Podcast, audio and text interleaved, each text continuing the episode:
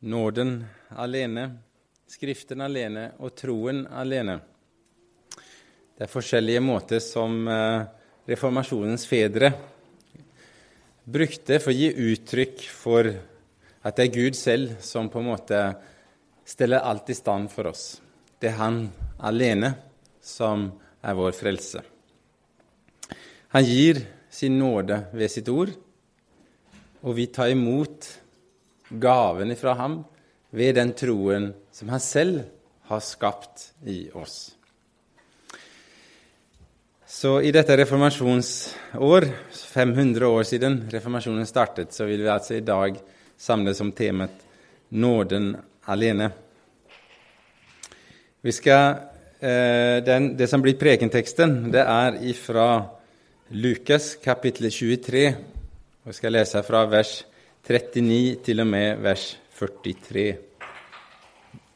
Lukas 23. En av forbryterne som hang der, spottet ham også og sa:" Er ikke du Messias, frels da deg selv og oss. Men den andre irettesatte ham og sa:" Frykter du ikke Gud, enda du har samme dom over deg? For oss er dommen rettferdig. Vi får bare igjen for det vi har gjort. Men han har ikke gjort noe galt. Så sa han, 'Jesus, husk på meg når du kommer i ditt rike.' Jesus svarte, 'Sannelig, jeg sier deg, i dag skal du være med meg i paradis.' Gode Far, vi ber deg at du ved din ånd åpner våre hjerter, og at ditt ord får bli åpnet for oss, slik at vi på ny får se din herlighet. I Jesu navn. Amen. Jeg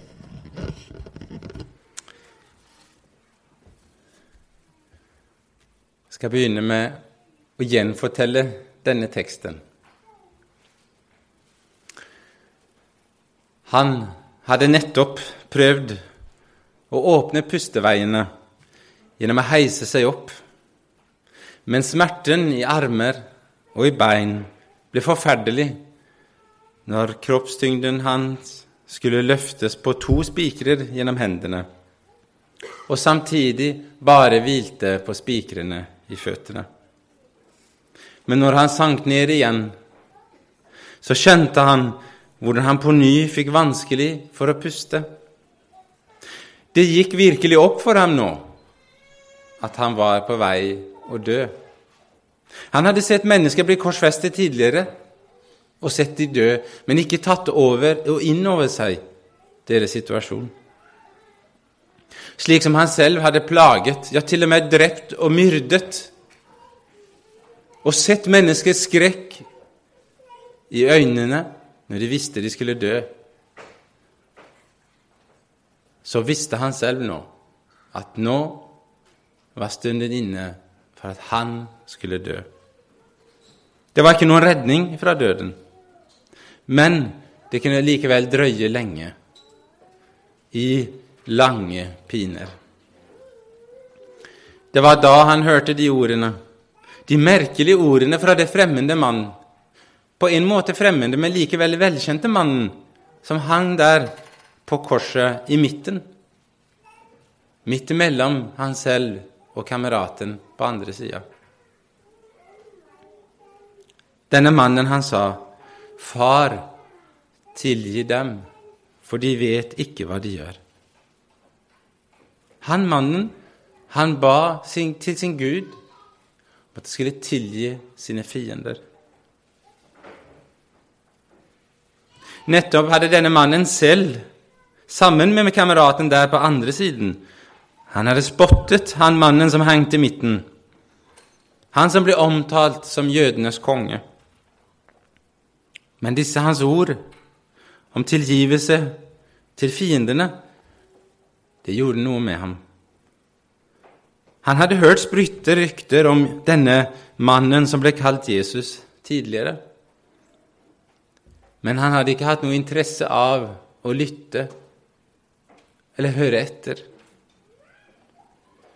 Men nå skjønte han at denne mannen som hang der på midten mellom han og kameraten, Det var ikke bare et vanlig menneske. Han var virkelig en konge. Så måtte han på ny heve seg opp for å få puste. Og så hørte han igjen kameratens ord der fra andre siden, som sa de spottende ordene, Er ikke du Messias? Frels da deg selv og oss. Tankene snurret nå veldig fort i hodet hans. Dette var forferdelig. Og når han åpnet munnen, så snakket han egentlig både til seg selv og til kameraten der på andre siden. Frykter du ikke Gud, enda du har samme dom over deg? Ja, det ble klarere for ham når han snakket. Mens han snakket, så skjønte han mer. Denne mannen ved hans side, han hadde ikke gjort noe galt. Selv fikk han bare det han fortjente. Ikke noe han hadde gjort, kunne nå redde ham ifra dom og død. Det var ikke heller tid til å gjøre noe mer, for nå skulle han forlate dette livet. Han hadde ikke noe annet håp enn om det fantes en Gud som ville tilgi i nåde. Han skrek, han hulket og gråt over smerten i kroppen, men enda mer over den frykt og den angst som kom over ham for at nå skulle han forlate livet og møte sin dommer. Han presset fram ordene Jesus, husk på meg når du kommer i ditt rike.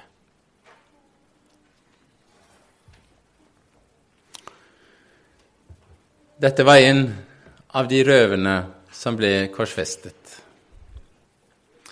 Vi kan ikke vite hvordan han opplevde de timene på korset. Kanskje var det noe slikt som dette. Kanskje annerledes. Og likevel så forteller Bibelen en historie om akkurat denne mannen. Og Denne historien blir utgangspunktet for vårt tema 'Nåden alene', som vi skal tale om i tre punkt. Den første punkten er å se hvem jeg selv er. Å se hvem jeg selv er. Denne forbryteren, han ropte til sin kamerat. For oss er dommen rettferdig. Vi får bare igjen for det vi har gjort. I Matteus kapittel 27 så står det at også røverne som var korsfestet med ham, hånte ham på samme måte, på samme måte som de menneskene som gikk på marken rundt forbi. Begge to var med og hånte ham. Ja, det kan se ut for at begge to først spottet Jesus. Men så forteller Lukas denne historien at den ene av dem, en av forbryterne, blir omvendt og vender seg i bønn til Jesus. Denne forbryteren han ser at den dødsdom han har fått, den er rettferdig. Ja, han har gjort så mye galt i sitt liv at det er på sin plass at han faktisk blir tatt livet av på et kors. Han skjønner det. Og så vet han at nå er tiden inne at han skal forlate livet. Livet er blitt tatt ifra ham, og nå skal han møte Gud som dommer. Og derfor advarer han sin dødsdømte kamerat. Nå bør dine tanker være vendt mot den endelige dommen, da kan du ikke bruke dine siste timer på jorden til å spotte en annen mann.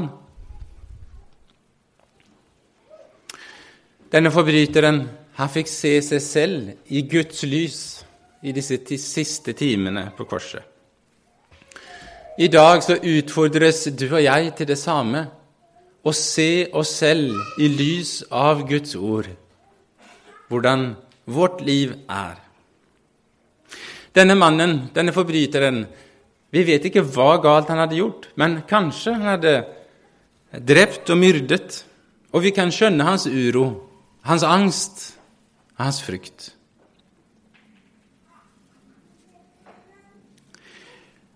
Og så kommer spørsmålet til oss hvordan er det med oss den dagen vi skal forlate livet? Forlater vi det med angst og frykt? Så tenker vi det kan ligge langt fram i tiden. Vi vet ikke dagen når den kommer, og dessverre hører vi ganske ofte om også unge mennesker som på forskjellige måter forlater livet. Skriften gjør det klart for oss at vi, slik som denne forbryteren på korset, blir kalt til regnskap innenfor ikke en jordisk domstol, men innenfor Herren selv skal vi legge regnskap for vårt liv. Og det kan fylle noen enhver av oss til tider med en frykt og en angst for det som skal komme. Hva skal jeg si til mitt forsvar den dagen? Vi kanskje tenker at denne forbryteren han hadde grunn til å frykte på grunn av det han hadde gjort. Det var naturlig. Han var en drapsmann. Men det merkelige er når Jesus taler om vårt hjerte i Matteus kapittel 5, og han snakker om det å ha ondt begjær, så sammenligner han dette med å være sint og oppfylt mot, med hat imot sin bror. Det sammenligner Jesus med noen som er en drapsmann, som dreper. Og På den måten gjør Jesus Guds lov og veiledning veldig konkret for oss som ikke har myrdet, men at vi likevel er skyldige i domstolen, sier Jesus. Der hat får fylle våre hjerter, der er vi dømt. Derfor så taler Bibelen om, om vår utfordring både hva det gjelder tanker, ord og handlinger. Fra Efeseteksten som vi leste, så stod der vi var, som var døde på grunn av våre misgjerninger. Døde. Det betyr uten liv i fellesskap med Gud. Det fantes ikke fellesskap og liv i Gud. Og det er realiteten for hvert et menneske som ikke ønsker å leve i Guds fellesskap. Jeg vet ikke hva som er din utfordring i ditt liv. Hva er det som, som gjerne fyller mitt hjerte, og som samtidig gir et avstand til Gud? Utfordringen for deg Jeg tror du vet det selv. Og jeg tror at Den hellige ånd akkurat nå minner deg på det som han ønsker å jobbe og arbeide videre med i ditt hjerte. Det er å se seg selv i Guds ords lys. At Guds ord får tale inn i mitt hjerte, slik at han kan rydde opp i det. For det er umulig å leve bevisst i en synd uten oppgjør og samtidig tilhøre Herren. Hvis vi bevisst fortsetter i noe som Herren sier ikke passer, så vil vi fjerne oss bort ifra ham. Derfor kaller han oss til oppgjør. Og dette var en stor del også i den forkynnelsen som bl.a. Martin Luther løfta fram i reformasjonen.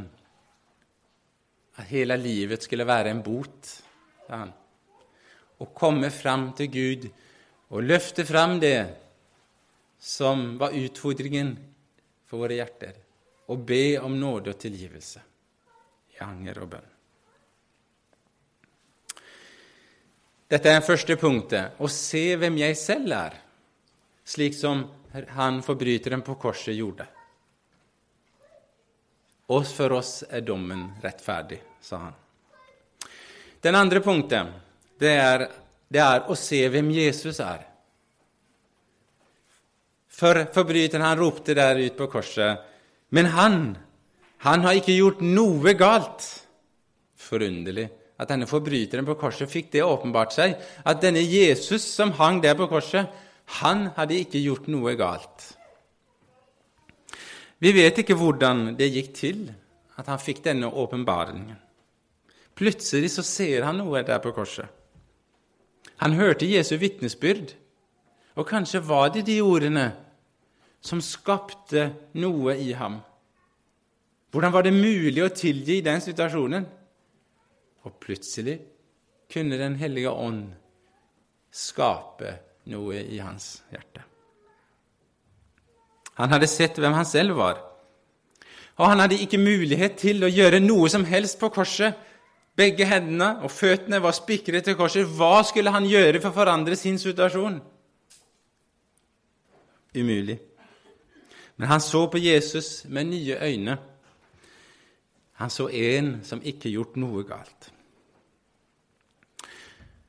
Alle de mennesker som går rundt på marken der, og også forbryterne i begynnelsen, de tenkte, når de så på Jesus, at denne mannen er under Guds straff på grunn av sin egen synd. Han er forbannet, han er vist bort ifra Gud. Gud har forkastet ham. Han er under Guds forbannelse, for det sto i Guds lov i 5. Mosebok 21 at den som blir hengt opp, er forbannet av Gud. Og Jesaja, som vi leste ifra, han refererer til dette. At vi tenkte, sier, skrives det, han er rammet, slått av Gud og plaget, med tanke på sin egen synd. Så fortsetter Jesaja. For det var faktisk slik at jødene, når de tenkte at Jesus var forbannet, så hadde de rett. Men de tenkte det var av Jesu egen synd. Men Jesaja forklarer det for oss og sier, men han ble sovet for våre lovbrudd, knust for våre synder. Straffen lå på ham.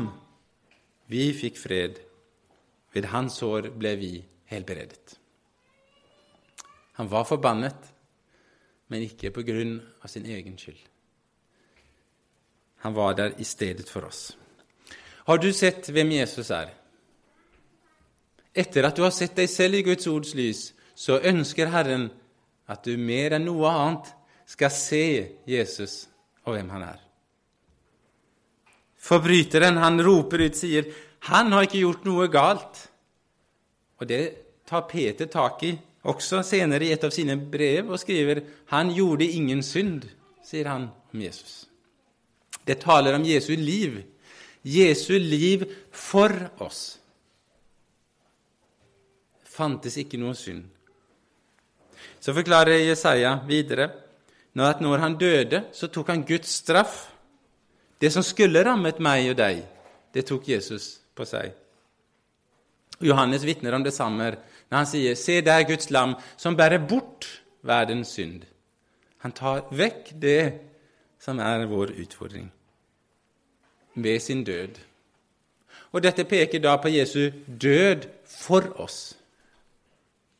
På den måten så står det frem for oss nå i Jesus, i den personen som han er, så har vi hans liv for oss.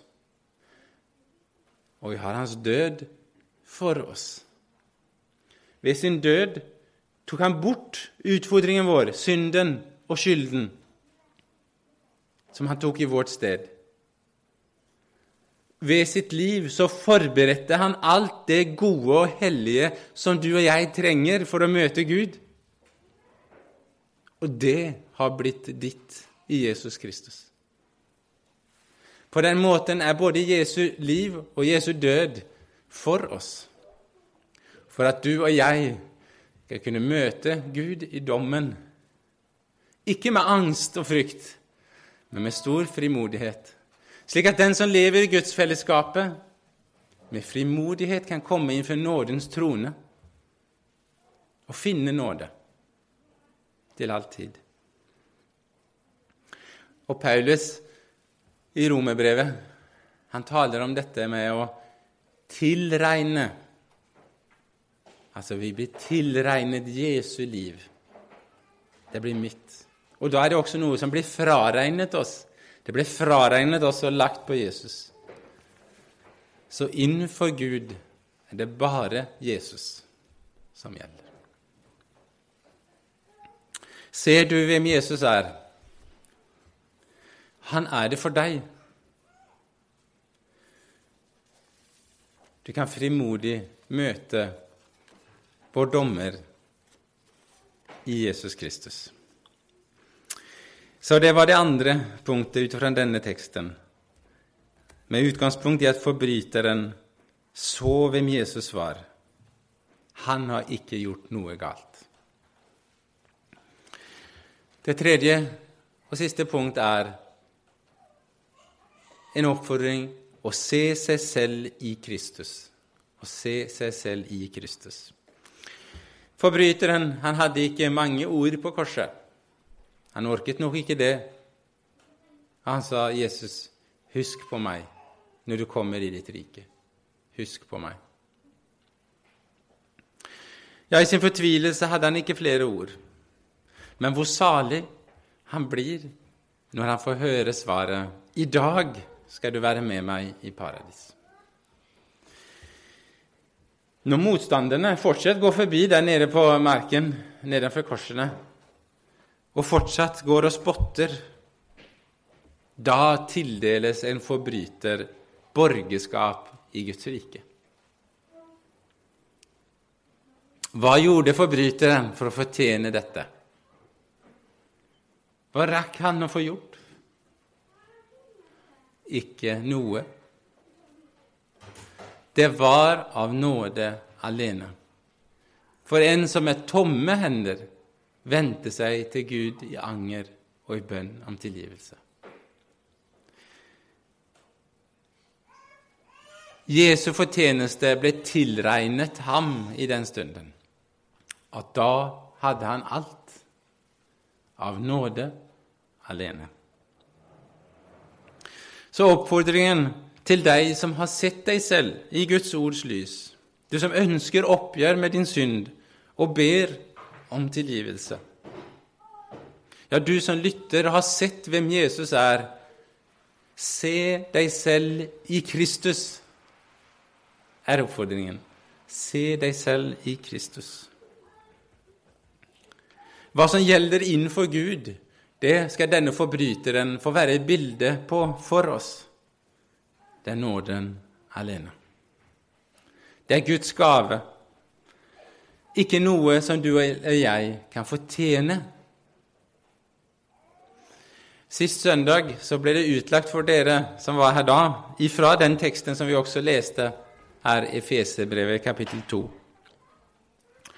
Og I Feserbrevet kapittel 2 fra vers 4 til 10 så snakker Paulus om forskjellige typer gjerninger. Først taler han om misgjerninger. Vi var døde i våre feil. Og så snakker han om gjerninger, at det finnes ikke gjerninger for i det at vi kommer til Gud. Og så taler han om nye gjerninger som ligger foran oss. Ja, først var vi døde på grunn av våre misgjerninger, sier Paulus.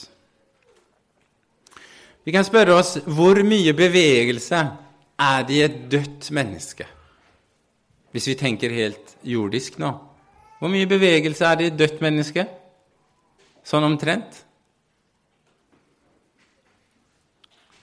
Ja, Så mye som vi kjenner til døden, så er det sant, det er ikke bevegelse lenger. Det er på en måte det som er definisjonen, at det ikke er lenger er liv i et menneske. Da er han død. Det betyr at han beveger seg ikke, han gjør ikke noe. Og slik var det, sier Paulus, med mennesket i forhold til Gud. Det åndelige liv fantes ikke noe som vi kunne gjøre til Guds behag. Altså, Mennesker som lever uten Gud, kan ikke med sin gjerning behage Gud. Slik var det uten Gud, sier Paulus. Men så går han videre og sier nå at dere som har blitt oppreist med Kristus sammen med ham, av nåde er dere frelst. Det er ikke deres eget verk, men Guds gave det hviler ikke på gjerninger. Det er den andre formen av gjerninger han snakker om nå. Det, men det finnes ikke slike handlinger for at vi har blitt et Guds barn. Det er noe som vi tar imot av nåde ved tro, sier Paulus. Og vi tenker så ofte på det vi skal gjøre, og hvordan vi opplever gudsrelasjonen. Ofte blir basert på hvordan jeg selv og mitt kristenliv faktisk fungerer akkurat i dag. Hvis opplevelsen er nokså god, så føler vi liksom av og til at da er gudslivet litt sånn på plass. Husk på at forbryteren på korset han rakk ikke å gjøre noe som helst for å oppleve dette. Men et ord fikk han høre. I dag skal du være med i paradiset. Og det gav han en åpen himmel. Så i fellesskapet mellom Gud og deg er det bare Guds gave som teller. Han tilregner meg alt av nåde alene. Og Det er derfor av og til vi sier også Kristus alene. For mellom meg og Gud, min dommer, er det bare Kristus og det han gjorde. Å se seg selv i ham, da har jeg alt. Men så spør vi oss, slik som vi skal spørre For Bibelen snakker mye om hvordan vårt liv skal være i fellesskap med Jesus, og hvordan vi skal handle, tenke og tale. Det står mye om dette. Hva skal vi da tenke om det? Jo, det er en veiledning for vårt liv i Kristus. Sånn som Paulus sier i dette vers 10 i andre kapitlet, altså den tredje typen av gjerninger. For vi er Hans verk, skapt i Kristus Jesus til gode gjerninger, som Gud på forhånd har lagt ferdige for at vi skulle vandre i dem. Vi er gjenskapt i Kristi bilde for å vandre i det livet som Han har forberedt. Men legg merke til at de gjerningene som det nå er snakk om, det, snakk, det har sin plass mellom deg og ditt medmenneske. Hvordan du utfører det, er ikke måten som skal avgjøre hvordan ditt forhold er til Gud. Mellom deg og Gud er Kristus alene. Alle handlinger og gjerninger og saker vi skal gjøre, har sin plass i kristenlivet, så absolutt mellom deg og ditt medmenneske. For at du som Kristi tjener skal arbeide for det beste for de neste og til Guds ære. Og I går så snakket vi om det å være prester i Guds rike. Du har en oppgave med å reflektere Guds identitet og karakter for å gjøre ham kjent. Hans kjærlighet, hans omsorg og nåde. Slik blir også vårt liv og disse gjerningene som vi utfører, et takkoffer til Gud. Så visst har det en betydelse for Gud, men ikke for å vinne nåde, men for at du har vunnet nåde, kan du utføre og leve i disse Guds gjerninger. Slik taler Bibelen for oss. At det er av nåde alene vi tilhører Gud. Og så veileder Gud oss gjennom livet i forskjellige oppgaver og handlinger til menneskers velsignelse og til Guds ære.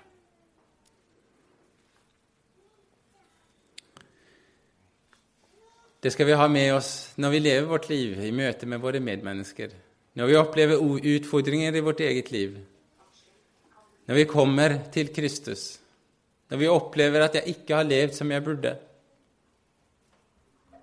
Se deg selv i Kristus. Så skal du få høre det saliggjørende, det ord som tar bort angst og frykt. I dag skal du få være med i paradis. Og nå etter preken så skal vi synge en, eh, en sang som er skrevet av min landsmann Rosenius. Ja, Det var jo en stund siden han levde, da. Og, og denne sangen, i hvert fall i den sangboka jeg så i, så har den syv vers. Tanken er at vi skal synge de alle sammen nå. Noen vil oppleve denne sangen litt gammel og treg. Det kan jeg på en måte skjønne. Andre vil oppleve det som at det her taler virkelig til meg. Uansett hvordan du, når du ser alle disse lange versene, nå tenker om den, legg merke til ordene. Bruk anledningen til å se hva som formidles her. I første versen så tales det den nåde, om den nåde som er i Guds hjerte og hva Han gir oss. I andre verset så taler Rosenius om nåden som var i mitt hjerte. Han taler da om opplevelsen jeg hadde av mitt kristne liv, som til tider er veldig positiv, men en del dager er helt forferdelig. Og så tror jeg alt er borte.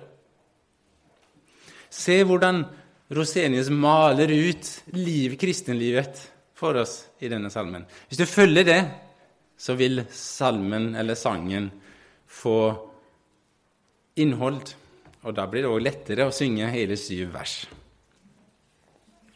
Skal vi takke og be. Evige Far, bare på grunn av din nåde Om du holder fram våre synder, hvem går da fri? Takk for nåde og tilgivelse. Skap i oss et rent hjerte som ønsker å prise deg, leve for deg, i velsignelse til våre medmennesker og til ditt navns ære. Amen.